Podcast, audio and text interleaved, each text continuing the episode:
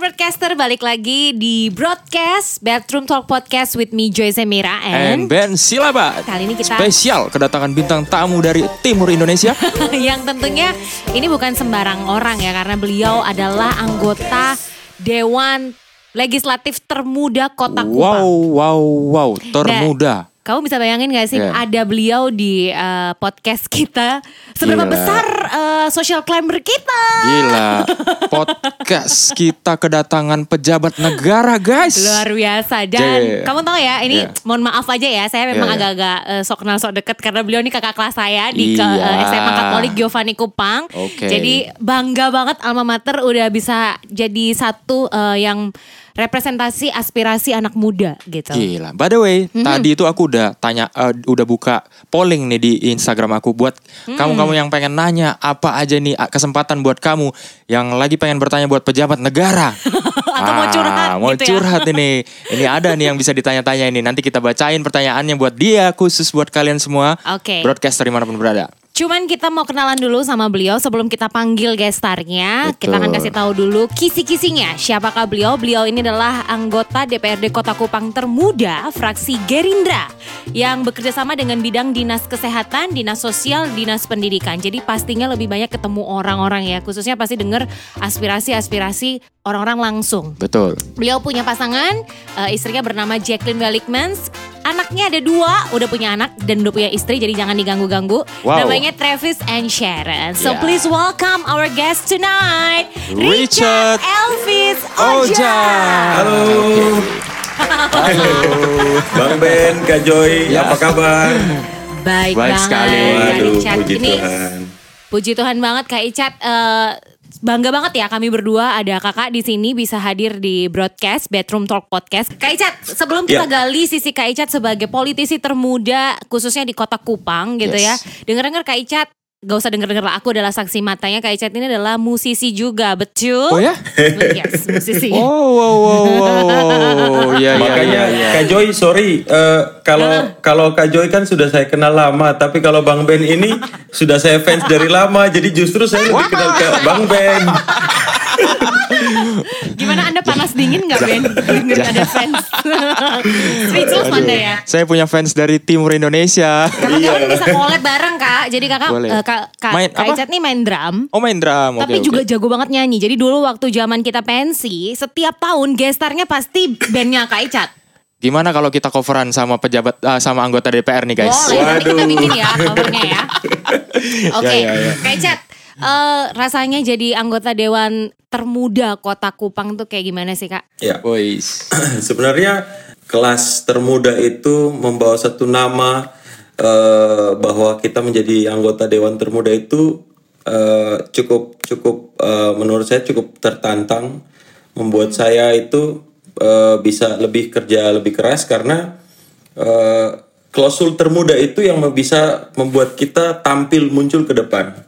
Jadi saya harus betul. harus akui bahwa eh, mungkin eh, dengan zona milenial yang sekarang terjadi eh, ada pergeseran pem- mindset dari pemilih-pemilih dan masyarakat kita khususnya di eh, Indonesia. Nah, itu lebih memilih atau mempercayakan pilihan mereka ke anak-anak muda. Nah, tugas beratnya adalah Nah, kita harus menampilkan atau mem- memberikan satu servis khusus, pelayanan khusus yang mana dari dulu-dulu itu tidak ditampilkan oleh senior-senior kita. Biar ada ada gap dan perbedaan di situ. Nah, itu harus kita tampilkan dan memang cukup berat di awal tet- tetapi eh, setelah saya masuk adaptasi dan eh, setelah saya melihat buying sistemnya seperti apa, ya mulai ada adaptasi dan ya cukup cukup enjoy lah hari ini. Jadi awal-awal sempat jadi beban ya karena klausul atau label nama Iya. termuda gitu. Karena waktu Iya, jadi tuh umur 28 bener gak sih kak? Iya benar benar. Wih, masih 28. kepala dua ya. Seumuran Eke cuy udah jadi anggota Astaga. dewan. Luar Berarti biasa. kal- kalau boleh tahu, kalau boleh tahu kan pasti kan nggak ada orang yang namanya dari orang biasa tiba-tiba jadi Yes. uh, anggota DPR kan ya. Pasti segala sesuatunya itu ada proses. Hmm. Ada Nah ini kalau kita, kalau aku sebagai masyarakat awam itu dan uh, generasi muda lah ya, masih ya, masih ya. Ya, puji Tuhan nah masih aku belum 40. penasaran gitu, seorang Richard Oja itu dulu mengawali karirnya dari apa sih sebenarnya gitu? Iya Bang Ben, Eh, sebenarnya yang tadi seperti Kak Joy sudah sampaikan, memang Saya dulu sempat eh, eh, apa namanya cukup lama eh, ber, ber- apa namanya ya bertarung Berkecimpung dan gitu, Kak. bercikut di dalam dunia band, di dalam dunia entertainment yang mana eh, saya kalau kurang lebih itu sekitar 2 sampai eh, sorry 4 sampai lima tahun lah di situ. Nah di di di perjalanan itu pun eh, Bang Ben dan Kak Joy eh, saya eh, masuk ke dalam dunia kerja, dunia usaha kecil-kecilan. Saya masuk di dunia kelistrikan. Eh, kita membuat satu perusahaan dan eh, ya cukup cukup inilah cukup membuat saya banyak eh, kegiatan waktu itu di sela-sela kuliah saya. Jadi eh, kita eh, mengerjakan satu beberapa pekerjaan di di beberapa daerah dan kabupaten itu jaringan listrik untuk eh, masyarakat-masyarakat di kabupaten-kabupaten yang yang sampai pada waktu itu belum merdeka menurut mereka. Karena belum ada ris- listrik dan sampai hari ini pun masih ada di kabupaten-kabupaten itu yang belum ada listrik. Nah itu dulu Yes. gawean saya itu Bang Ben dan Kak Di- Joy. ini mungkin sebelum Kak, Kak Icat kasih penjelasan lebih jauh gitu ya, disclaimer sedikit untuk teman-teman karena kan aku nih dari Kupang ya Ben ya. Hmm. Kalau kamu kan ada di Medan ya, Medan kota gede jadi kayaknya mati lampu jarang ya. Ya. Ah, gimana Iya, ya? Tapi kan di zaman aku, Oh, di iya. zaman aku SMA aja atau bahkan sampai aku kuliah tuh masih ada mati lampu bergilir. Jadi ini bukan men- Astaga. meninggikan siapa pun eh, orangnya, tapi yang jelas waktu zaman Pak Jokowi itu ya, Ya. baru ada namanya kapal yang bantu kita listrik, benar gak sih Benar, Kak? benar. Jadi kayak baru ada support listrik baru. Kamu bayangin zaman dulu tuh tiap tiga hari sekali kota Kupang loh, Ah, kok ibu kota NTT tuh mati lampu. Oh, gitu. Kebayang nggak yang Kak Icat ngomong tuh nggak bohong. Jadi Benar. kayak daerah-daerah terpencil tuh kalau nggak ada listrik aku nggak kaget gitu. Padahal eh, timur Indonesia itu eh, sumber daya manusianya Yes. ini ya sumber daya alamnya sumber juga daya alam bagus, Iya. sumber daya Iya. manusianya sebenarnya bagus, Iya, tapi kan iya, iya, memang iya. tidak ada yang memperhatikan gitu ya dan Kak Icat ya. akhirnya sekarang banyak yang memperhatikan ya. Yes, sekarang mata tertuju pada Indonesia Timur. Iya. Oke, Kak Icat. Kak Icat kan dari wira swasta kemudian eh, Jadi anggota ya jadi anggota dewan politikus dan hebatnya lagi nih Ben, sekali Hmm. coba langsung jadi cuy. Gila. Sekali coba kamu bisa Akurat bayangin. ya, akurat ya, Nah, oke. Kak Icat boleh nggak Kak- boleh nggak sih menjawab pertanyaan beberapa teman-teman nih ya ya. netizen ya. Eh, perlu banyak duit nggak sih jadi seorang eh, anggota dewan gitu mau ikut berpartisipasi di kampanye atau Iya, ketika maksudnya modal kampanye kali ya. Modal heeh, kampanye heeh. itu perlu banyak nggak sih? Karena kan pasti kita membutuhkan untuk mobilitas dan segala sesuatunya ketika kita eh, apa namanya cari-cari masa untuk Iya. yang dukung kita, support kita. Itu kira-kira gimana itu? Eh, Hmm, perhitungan akuntansinya. Oke, eh, Bang Ben dan Kak Jo, eh, mungkin saya eh, kasih gambaran eh, luasnya. Memang kalau kita mau masuk ke dunia politik, sudah pasti kos politik itu ada dan cukup besar. Saya harus akuin dan saya harus berani bicara di sini bahwa itu sangat menjadi hal yang cukup urgent dan menurut saya hal yang cukup prioritas karena kita perlu eh, kos politik itu untuk bisa sentuh ke masyarakat. Paling tidak kalau kita turun ke masyarakat itu kita mengumpulkan eh, masyarakat di satu tempat paling tidak ada untuk makan minumnya, untuk eh, apa namanya eh, eh, snacknya dan lain-lain. Paling tidak kita punya transport bersama tim ke daerah itu, itu pasti perlu. Dan yang berikut di setiap kali kita eh, membuat satu titik pertemuan, pasti di situ ada eh, spanduk, baliho dan lain-lain dan itu kos politiknya juga cukup cukup besar. Betul. Dan yang kemudian lagi eh, apa namanya membuat satu eh, agenda tertentu, nah itu perlu untuk kita eh, apa namanya mem- menyiapkan kos politik juga karena di agenda-agenda itu bisa jadi dalam satu tempat bisa jadi 100 orang, ada yang bisa 200 sampai 500 dan kita nggak Ya. pernah expect sampai segitu. Nah, kita harus punya prepare kos politik sampai sejauh itu. Nah, bersyukurnya saya sebelum masuk ke politik saya dengar-dengar di partai politik itu ada namanya mahar politik. Ya ini saya harus Ya. sampaikan. baru mau kita Mahar baru kita mau bridging ke situ ya. Iya, iya, ke iya, mahar politik. Gitu. Iya. Itu gimana Kak? bentar, bentar. Dice- Dilanjutin dulu, dilanjutin Iya, dulu. iya. Nah saya bukan bukan bukan bukan eh, saya mau cari aman atau saya mau apa ya, bukan karena dengan Gerindra, tapi saya berani jamin di Kota Kupang dan di NTT kita kan kita punya komunitas anggota DPR, Iya. anggota leg- legislatif. Kita sharing di situ. Nggak ada satupun yang dimintai mahar politik oleh partai politik. Itu saya harus sampaikan. Untuk menjadi anggota dewan caleg waktu itu satu pun tidak ada. Kalau saya dapat satu orang pun, pasti saya akan tanyakan dan saya akan akan cari tahu kenapa sampai bisa seperti itu. Nah itu, Dan ini ini ini menarik Kak Icat. iya. Eh, mayoritas orang di NTT itu kan ini mungkin nggak pernah ditanya di YouTube ataupun eh, sosial media mana pun yang sempat ngewawancara Kak Icat ya. Tapi kalaupun Iya. udah pernah, kita pengen tahu juga gitu. Mayoritas orang NTT itu sedikit em, lebih cenderung waktu itu kan ke kubu nomor 02 Ya. ya waktu itu ya. Iya, eh 01 ya, 01 01. ya. Iya. Yes. Nah, waktu itu Kakak muncul dengan eh, Partai Gerindra.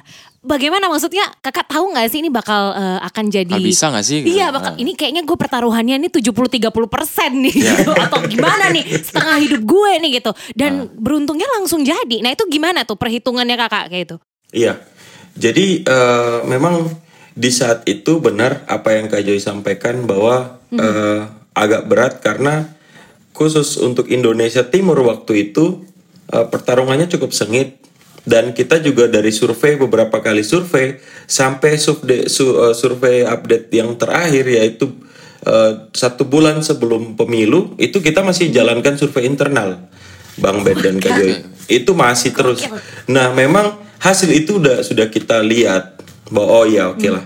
Eh, kita sudah cukup berupaya untuk memperjuangkan kubu Bapak Prabowo Sandi waktu itu, tetapi kembalikan ke masyarakat. Nah Betul. eh, waktu itu yang kita pikirkan hanya satu, bagaimana caranya kita bisa memenangkan Partai Gerindra selesai.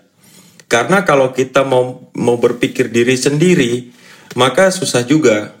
Maka ini nggak akan jalan. Padahal kita perlu sumbu-sumbu eh, partai di seluruh eh, apa namanya tingkatan dari kabupaten, kota, provinsi dan eh, RI dan pusat itu harus jalan.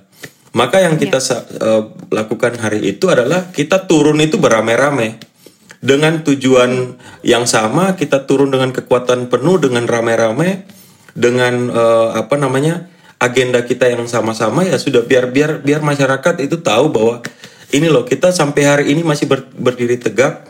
Tidak masalah kita hormatin keputusan masyarakat memilih kubu mana pun tapi hari ini kita ada untuk masyarakat kita yang ada di NTT kita siap untuk memperjuangkan apa yang menjadi aspirasi dari masyarakat masyarakat di NTT mungkin itu Waduh, waduh, Gimana? waduh, Kalau waduh. aku ya kak karena waktu pemilu itu aku jaga TPS ya salah satu panitia pemilu gitu ya. Aku ngebayanginnya aja tuh cukup berat gitu karena Iya. waktu aku dapat kita dapat yang di PIK ya sayang ya. Iya di utara itu Jakarta dan Utara. ya di Jakarta Utara dan aku lihat banget bagaimana persaingannya ya memilih eh, sebegitu banyaknya eh, calon dari presiden, DPR RI, DPR eh, kota, DPR kabu provinsi. Itu berat banget kak karena banyak sekali kan? Iya. dan itu menurut aku pemilu yang menurut aku terberat sih menurut aku ya. Iya, karena benar. kita sebagai pemilih dan panitia itu berat banget begitu banyak pilihannya. Dan melihat kakak bisa ada di sini dengan sebuah statement bahwa it's not about pilihan, it's not about the person gitu ya, tapi kita ada untuk masyarakat NTT. Aku salut banget sih dengan kata-kata itu. siap thank you Eh, ngelihat tadi tuh ya aku sebenarnya tadi se- eh, se- sepanjang eh, Bro Richard ngomong ini aku ngelihat gila ya kalau jadi seorang pejabat itu emang harus ngomongnya itu harus detail ya Iya. gitu maksudnya tadi dia dia menjelaskan sesuatu itu kayak sambil mikir sambil jelasin terus semua yang ter- dia sampaikan itu eh, apa supaya nyampe ke ke ini ke ke masyarakat gitu ya. Betul. jadi aku dengerin tadi kira-kira eh, untuk jadi jadi pertanyaannya gini kalau misalnya sekarang udah jadi, udah jadi- pejabat gitu dari sudut pandang eh, aku ini ya aku kan seorang masih seorang musisi ya gitu. dulu kan seorang Richard Oja itu juga musisi tuh. Iya. terus tiba-tiba jadi pejabat gitu. Gampang nggak sih switchnya itu Ya, dari beradaptasi. beradaptasinya gitu? Atau ternyata enakan jadi pejabat nih cuman nggak usah main musik lagi main lah. musik lah gitu kayak gitu Iya. atau memang atau ada ada nggak sih uh, pelatihan khusus atau memang harus Ya, ya. uh, training, training. training khusus untuk seorang pejabat muda supaya masuk ke dunia politik supaya kamu bisa ngomong supaya kamu bisa uh, ilmunya nambah ada nggak sih gitu kira-kira Eh, memang Bang Ben kalau jujur saja ya sampai hari ini justru di saat saya masuk ke politik saya justru merindukan musik Saya merindukan Wah. kehidupan dengan teman-teman musik, jujur saja. Dan yang lebih lebih ekstrimnya lagi, saya sampai bawa gitar itu ke ruang fraksi loh Bang Ben. Biar- karena saya nggak mungkin bawa drum ke ruang fraksi. Saya bawa gitar, jadi di sela-sela sidang itu saya main nyanyi, ya saya refresh kembali. Eh, mungkin simpelnya gini Bang Ben, kalau kalau kita switch dari eh, apa namanya profesi lama kita ke eh, politik, di dunia politik itu memang halnya cukup susah. Tetapi sebenarnya poin yang eh, harus saya sampaikan di sini adalah sebenarnya menjadi politikus itu eh, tidak perlu kita belajar terlalu dalam, tidak perlu kita sekolah khusus karena eh, harus kita akuin bahwa sampai hari ini belum ada sekolah jurusan eh, polit- eh, menjadi anggota dewan. Kalau jurusan politik ada. Iya, Mempelajari politik tentang ya. politik secara Untuk jadi anggota dewan ya nggak ada ya. tetapi sekolah menjadi seorang anggota dewan tidak ada. Dan ada BIMTEK, ada bimbingan teknis kepada kami, tetapi itu hanya satu dua minggu. Dan menurut saya tidak cukup waktu itu. Terus yang yang perlu kita gali apa? Yang perlu kita gali itu adalah sense kita sendiri. Bagaimana cara kita melihat masalah yang ada di masyarakat? Bagaimana kita berpikir bahwa jadi politik bukan untuk jadi eh, untuk tempat untuk kita mencari kekayaan, bukan tempat kita untuk mengumpulkan pundi-pundi keuangan, tetapi bagaimana buat kita bisa menyalurkan kembali ke masyarakat. Tetapi harus saya sampaikan di sini Bang Ben sama Kak Joy, memang tidak menutup kemungkinan bahwa menjadi seorang politik, oke lah kita menjadi semakin ada eh, apa namanya eh, mungkin lebih sejahtera mungkin kita materi kita bertambah kekayaan kita bertambah. Karena kita melaporkan setiap tahunnya di LHKPN tetapi Oh iya. bagaimana kita bisa mentransfer eh, semua yang kita dapat itu melalui program kita kegiatan kita itu lebih lebih menurut saya lebih hal yang lebih penting. Karena di saat kita turun ke masyarakat itu yang masyarakat tanyakan bang. Di saat itu masyarakat minta eh, lampu jalan seperti tadi Kak Joy bilang eh, apa namanya jalan di sini infrastruktur kita juga masih belum banyak yang bagus belum memadai. Nah itu perlu sensenya. Menurut saya kalau kita pakai otak saja tidak cukup perlu pakai hati. Se- sesederhana itu saya harus menjelaskan bahwa menjadi seorang politikus tidak boleh hanya pintar tetapi pintar dan menggunakan perasaan dan hati itu lebih jauh lebih penting Ah, Untungnya dulu main musik ya kayak jadi ngerti mainin perasaan-perasaan cewek-cewek di sekitar ya. harmoninya dapat. Kak, oke. Tadi kakak bilang bahwa eh, kita nggak bisa pungkirin ya. Jadi anggota dewan itu juga menambah pundi materi. Khususnya kakak ini kan sekarang masih muda dan termuda bahkan. Pastinya ada Di, harapan. di situ termudah banget ya, termuda masih di Kota sampai Kupang. sekarang. Oh iya, termuda di, terus kota, di DPRD Kota Kupang tuh Kak Waduh. Icat adalah eh, anggota termuda. Nah, sebagai eh, generasi Y ya yang menjadi Why? representasi gitu dari masyarakat muda lainnya, ada nggak sih eh, apa namanya kegiatan atau eh, program kakak yang memang dikhususkan untuk anak-anak muda Kota Kupang? Misalnya apa gitu atau eh, apa ap- boleh apa aja yang mau kakak bikin boleh diceritain juga di sini untuk khusus untuk anak-anak muda ya yang Ya. mendukung kakak. Iya, Eh, memang untuk hari ini dua tahun kita menjabat, eh, beberapa program sudah kita jalankan Eh, untuk anak muda ada namanya zona milenial. Di situlah kita mengumpul semua anak-anak muda yang mau bergabung untuk men- menyampaikan aspirasi mereka secara belak-belakan. Jadi kita ngobrol, kita ngopi di di tempat eh, di kafe mana pun, kafe-kafe UMKM yang kecil-kecil. Saya minta kalian berbicara. Di depan kalian ini bukan saatnya saya yang berbicara. Kalian bicara aja, saya dengar. Saya sambil ngopi, sambil melihat cerita-cerita sama mereka. Nah, di saat mereka udah sampaikan, di situlah saya akan mengumpulkan semua data itu dan saatnya saya bicara adalah di ruang paripurna, di ruang sidang. Di situlah saya mentransfer semua apa yang mereka sampaikan. Apa yang paling banyak disampaikan sama mereka akhir-akhir ini kak selain pandemi ya, yang paling kita tahu ya yang melanda seluruh orang di dunia ini. Tapi apa yang paling eh, fundamental gitu yang mereka rasain? Memang untuk ya untuk saat ini anak-anak muda di Kota Kupang eh, ada beberapa faktor yang sering mereka, mereka sampaikan, tetapi yang menurut saya cukup eh, menyentuh adalah mereka itu pengen usaha-usaha mereka itu disupport, sesederhana itu. Mereka maunya, oke lah kita jalan, kita jalan dengan modal kita sendiri, tetapi tolong disupport dong. Mereka maunya seperti itu saja, sederhana. Mereka tidak meminta bantuan yang eh, besar dari pemerintah, tidak mem- meminta modal dasar dari pemerintah. Mereka bergerak sendiri. Tetapi tolong dong kita disupport. Tolong dong kalau kita buka usaha kopi, eh, pemerintah support. Ada acara-acara pemerintahan, diambil, eh, dibelilah kopi kita. Makanan-makanan kita dibelilah. Jangan order dari restoran-restoran besar. Mereka cuma minta itu. Jadi ya sesederhana itu sih. Mereka hari ini eh, ya eh, kalau saya mau sampaikan update terakhir itu di, di, di apa namanya diskusi kami dua minggu lalu itu mereka bilang bahwa kita sekarang tidak mau lagi mengeluh tentang susahnya lapangan kerja karena semua hari ini katanya susah mereka Semua bilang gitu. susah. Betul. Betul, Jadi ya sudah kita mau mandiri sekarang. Ya, ya, eh, kebanyakan sih kayak gitu Kak Joy. yang berusaha startup ya, startup startup karena kan kita masih kita sekarang kita lihat eh, semua serba digital, Iya. semuanya serba eh, kayaknya cepet banget gitu perubahan Iya. yang kita alamin. Kita berdua juga pengusaha gitu Kak, dulu sempat Iya. punya minuman juga ya. Iya, kita, kita tahu banget sendiri. rasanya Iya. aspirasi anak-anak muda yang ngerasa kayak bisa ngobrol sama kakak sebagai eh, Enak ya. Iya, kalau di representasi gitu ya. Coba kalau di Tangerang, Tangerang Selatan bisa gitu ya. di sini masalahnya. Oke, silakan Ben. Oke, sebagai seorang Richard Oja yang dari dulunya itu seorang musisi atau masih muda kan pasti ya kalau kita itu tiba-tiba tenar, tiba-tiba naik gitu.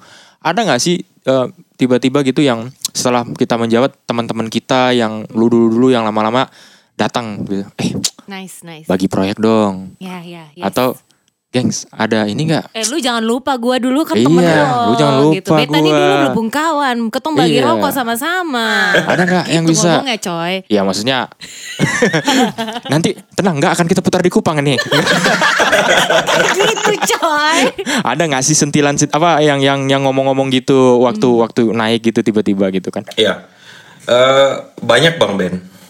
Banyak. banyak.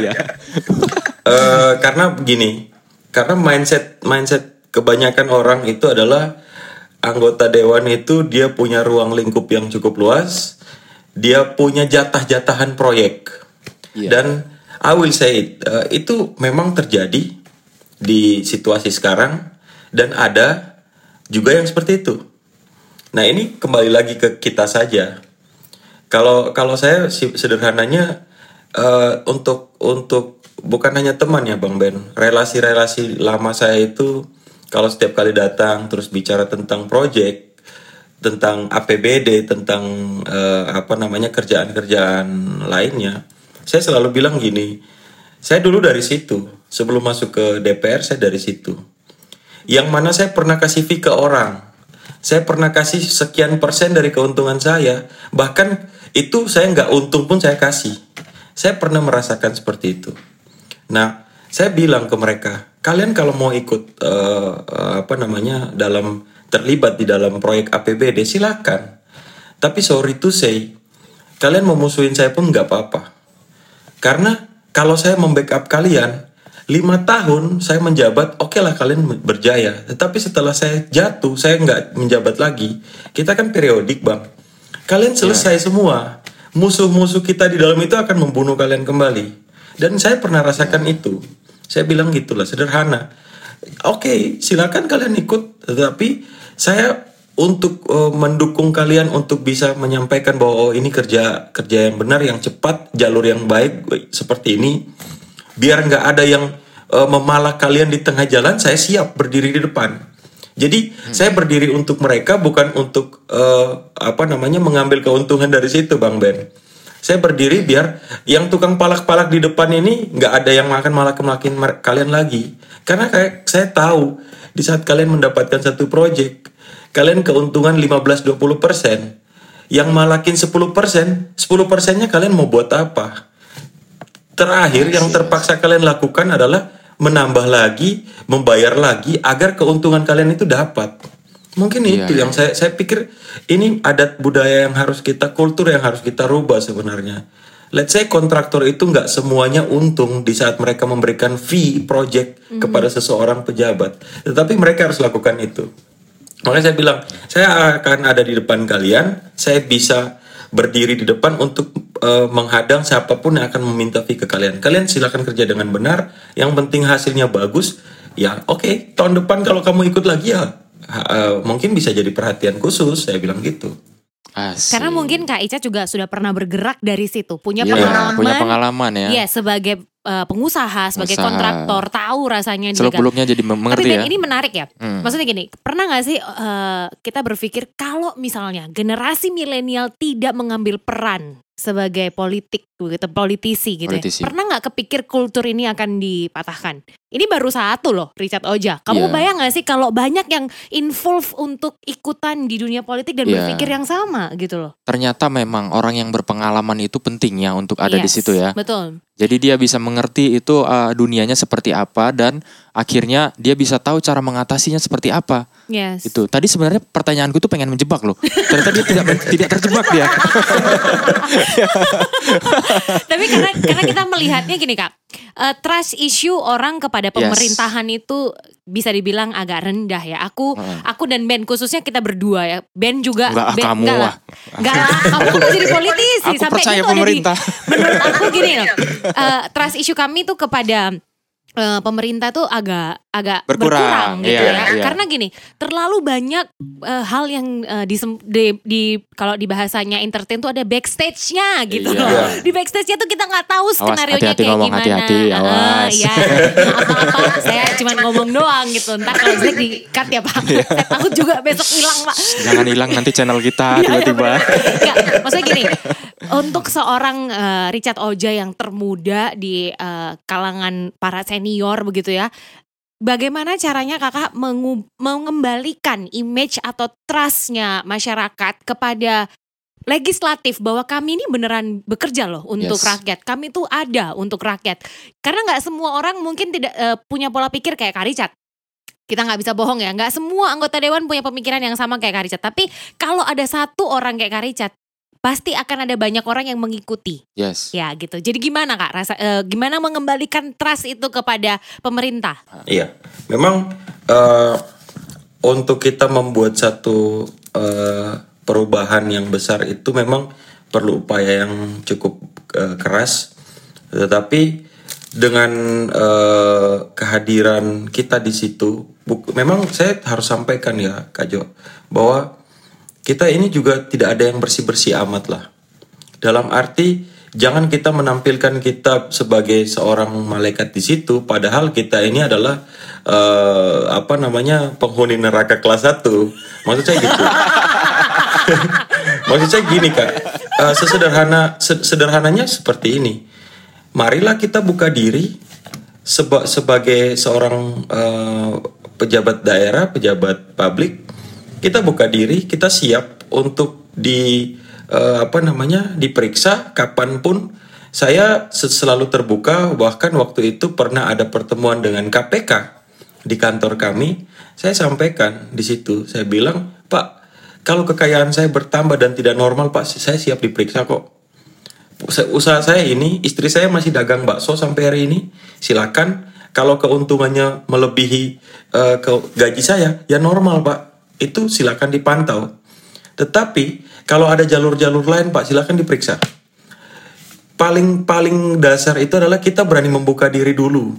Seperti yang ada isu-isu kemarin tentang bagaimana sih pendapatannya anggota DPR ya saya melihatnya ada baiknya juga. Karena Ya. apa? Biar masyarakat tahu. Biar masyarakat tahu kita ini seperti apa. Kalau kita tidak berani transparan ya sampai kapan? Karena kalau kita transparan masyarakat pun nggak nggak mungkin ambil uang kita. Oh nggak boleh kamu nggak boleh dapat segitu.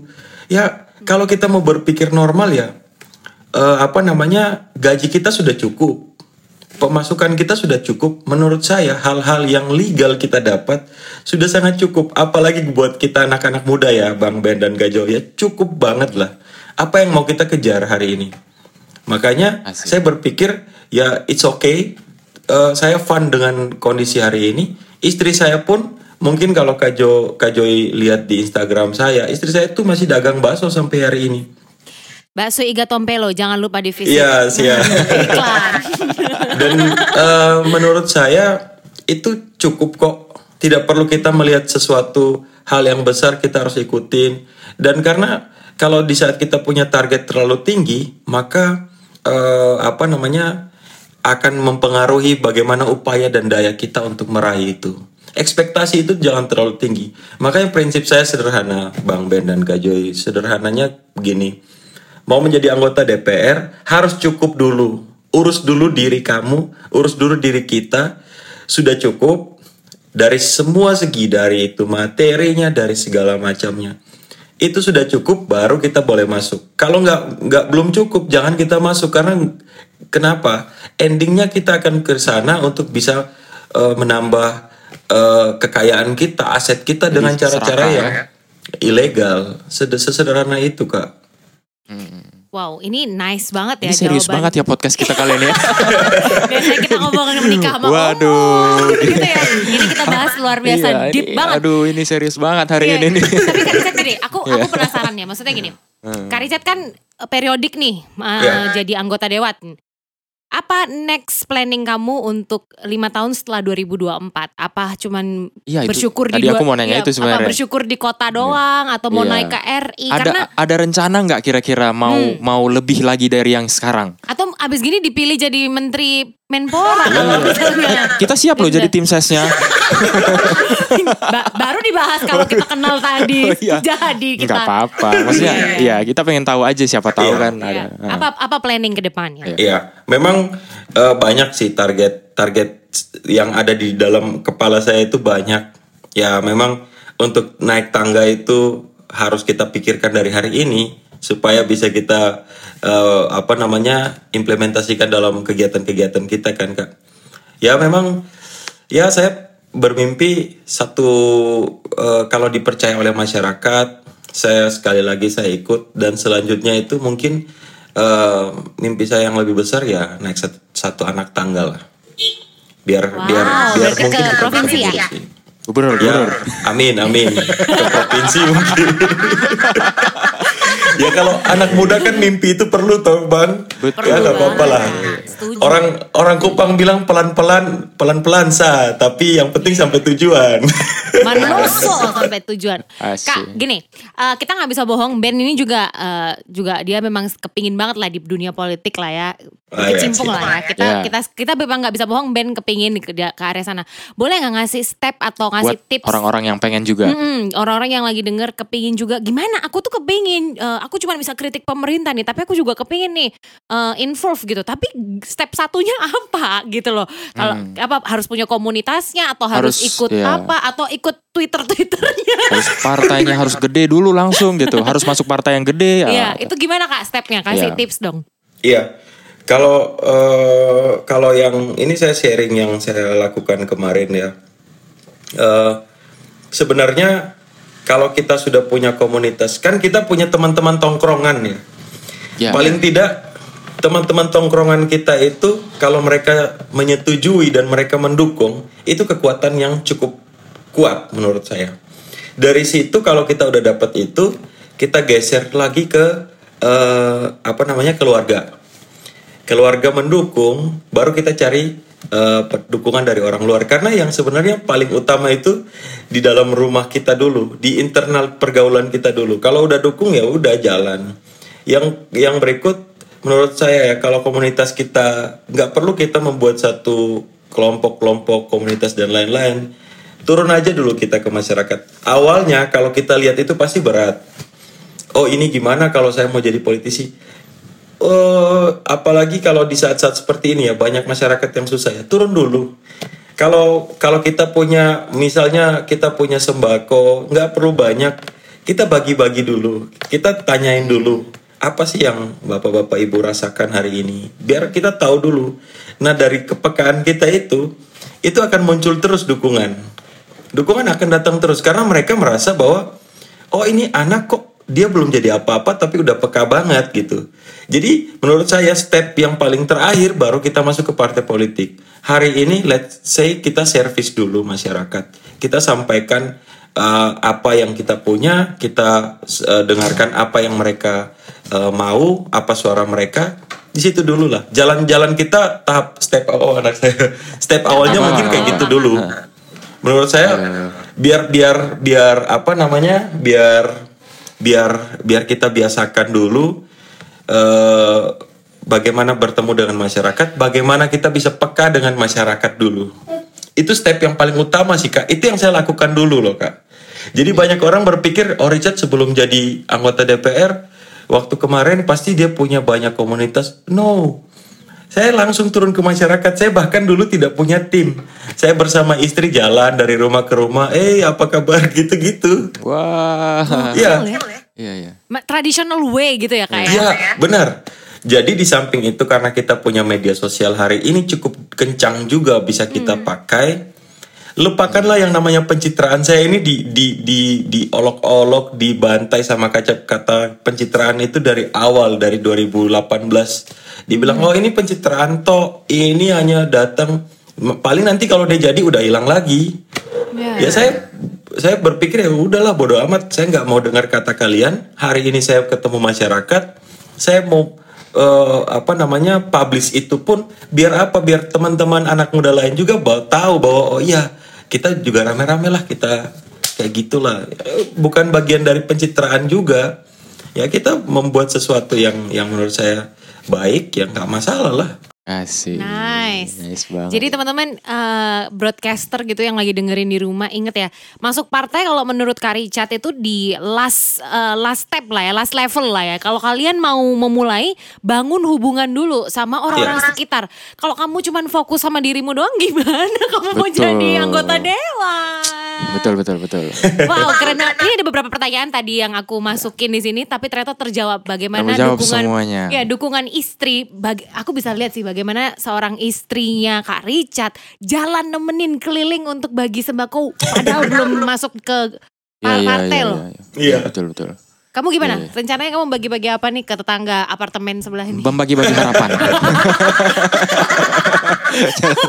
Kita kasih harapan dulu aja ya. Boleh? Iya, iya, bener. Kita kasih doa Iya, gitu yang terbaik untuk mereka ya. Oke. Seperti itu ya. Wah. Pertanyaan terakhir mungkin Wah, ini kayaknya apa podcast kita yang terserius ini ya. terserius. Tapi terseru menurut aku. Terseru iya Ya, benar terseru, terseru. juga Akhirnya karena kita ngebahasnya dari sisi anak muda yang berkecimpung. Iya. Kenapa kenapa kok aku berharap ada ada anak muda yang bisa masuk bukan cuma di kancah politik kota loh Kak. Karena gini, Iya, betul. eh, tradisional kultur yang terus menerus diturunkan dari senior ke senior ke senior ke bawah-bawah bawahnya terus menerus itu lama-lama memuakan kita Ya. generasi yang sudah modern ini loh. Ini Yes. cukup ini bukan aku mengkritik apa ya, cukup memuakan gitu buat aku ya. Aduh ini nggak relevan gitu misalnya peraturan ini nggak relevan sama keadaan yang changing every second, nggak bisa gitu loh. Nah menurut Iya. aku harus ada orang-orang kayak Kak Icat. Mungkin ada orang perempuan nanti yang lebih muda yang masuk yang bisa menyuarakan. Menurut aku tuh very good gitu. Kalau sekarang kita punya Kak Icat, nanti kita punya cewek gitu. Iya. Siapa gitu. Aku berharap Kak Joy gitu pulanglah, banget. pulanglah ke Kupang main dari sini lah. Ada rencana ya kan nanti kita kita bicarakan. Bahaya ini, bahaya. Oke Kak Icat mungkin closing statement uh, yang Eh. kira-kira bisa Kak Icat kasih untuk uh, pendengarnya broadcast. Siap. Jadi eh, hari ini apa pun eh, profesi kalian, apa pun eh, eh, kegiatan kalian, baik itu eh, di dunia media, di dunia apa pun, lakukanlah dengan serius, lakukanlah dengan tulus, lakukanlah dengan penuh kerja keras. Nggak tahu ke depan akan jadi apa. Karena saya pun dulu nggak pernah tahu. Dulu saya dari titik A ke titik B saya nggak pernah expect sampai ke situ. Nah mungkin hari ini kita melihat bahwa oh iya ada anggota dewan, ada wali kota, ada gubernur yang bagus menurut kita. Mungkin one day kita akan jadi seperti dia dan lakukanlah apa yang dia lakukan. As. Lakukanlah apa yang dia lakukan. Laku, eh, kita harus bisa membuat sesuatu, sesuatu yang lebih baik dari dia. Itu perlu kita lakukan hari ini. Dan harus bermimpi itu penting. Oh, keren. Bermimpi itu penting. Bermimpi. Ini statement yang aku denger dari Kak Icat ya. Kalau aku lihat Kak Icat di tahun 2009 Kak Icat lulus gitu ya. Sama dengan hari ini 2021.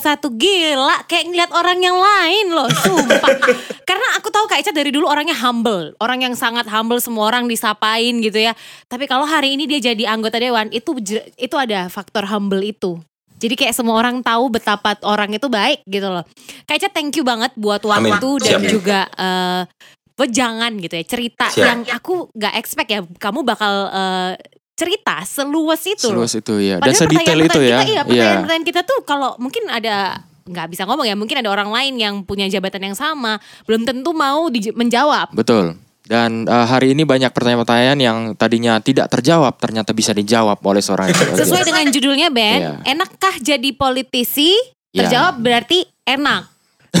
Bener dong, enak dong. Biar mereka yang simpulkan jangan Iya, kita. kalau kalau menurut aku sih enak ya, maka Enak. mungkin Iya. kita juga akan mau men- menjadi ya Iya. menjadi itulah ya Iya. pokoknya. Oke, thank you banget Kak Icat. Terima kasih Kak Richard Oja. Semoga menjawab untuk semua teman-teman yang lagi dengar. Nah, Saya Jangan, mungkin jangan. sebelum Kak Abang Bang Ben sama Kak Joy ngundang lagi, saya mungkin akan ngundang dalam satu dua bulan ini karena eh, saya mau minta kehadiran mungkin secara nggak nggak boleh kita by phone kayak gini kita ngundang langsung ke Kupang lah. Wow.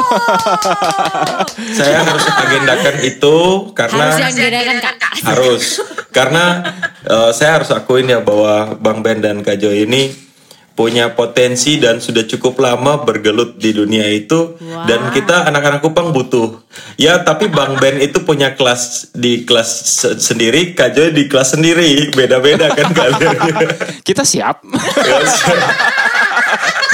Iya. Dan yang berikut mungkin eh, saya juga berharap ya eh, anak-anak Kupang bisa yang menonton video ini nanti mereka bisa termotivasi ya. Dengan tiga ini kan kita punya tiga profesi yang kita tonjolkan di sini, yang kita tunjukin di sini Betul. dengan Betul, masing-masing betul, kita. Jangan jangan eh, jadi mereka punya banyak pilihan hari ini. Mungkin buat jadi broadcaster, buat jadi musisi, buat jadi MC, buat jadi Iya, politisi, semua enak kok, tenang aja, semuanya enak. Semuanya itu kalau cuan eh, pasti ada cuannya, tetapi serius dulu. Mari kita sama-sama jangan sampai kita lihat orang udah sukses kita iri, iri nggak ada gunanya.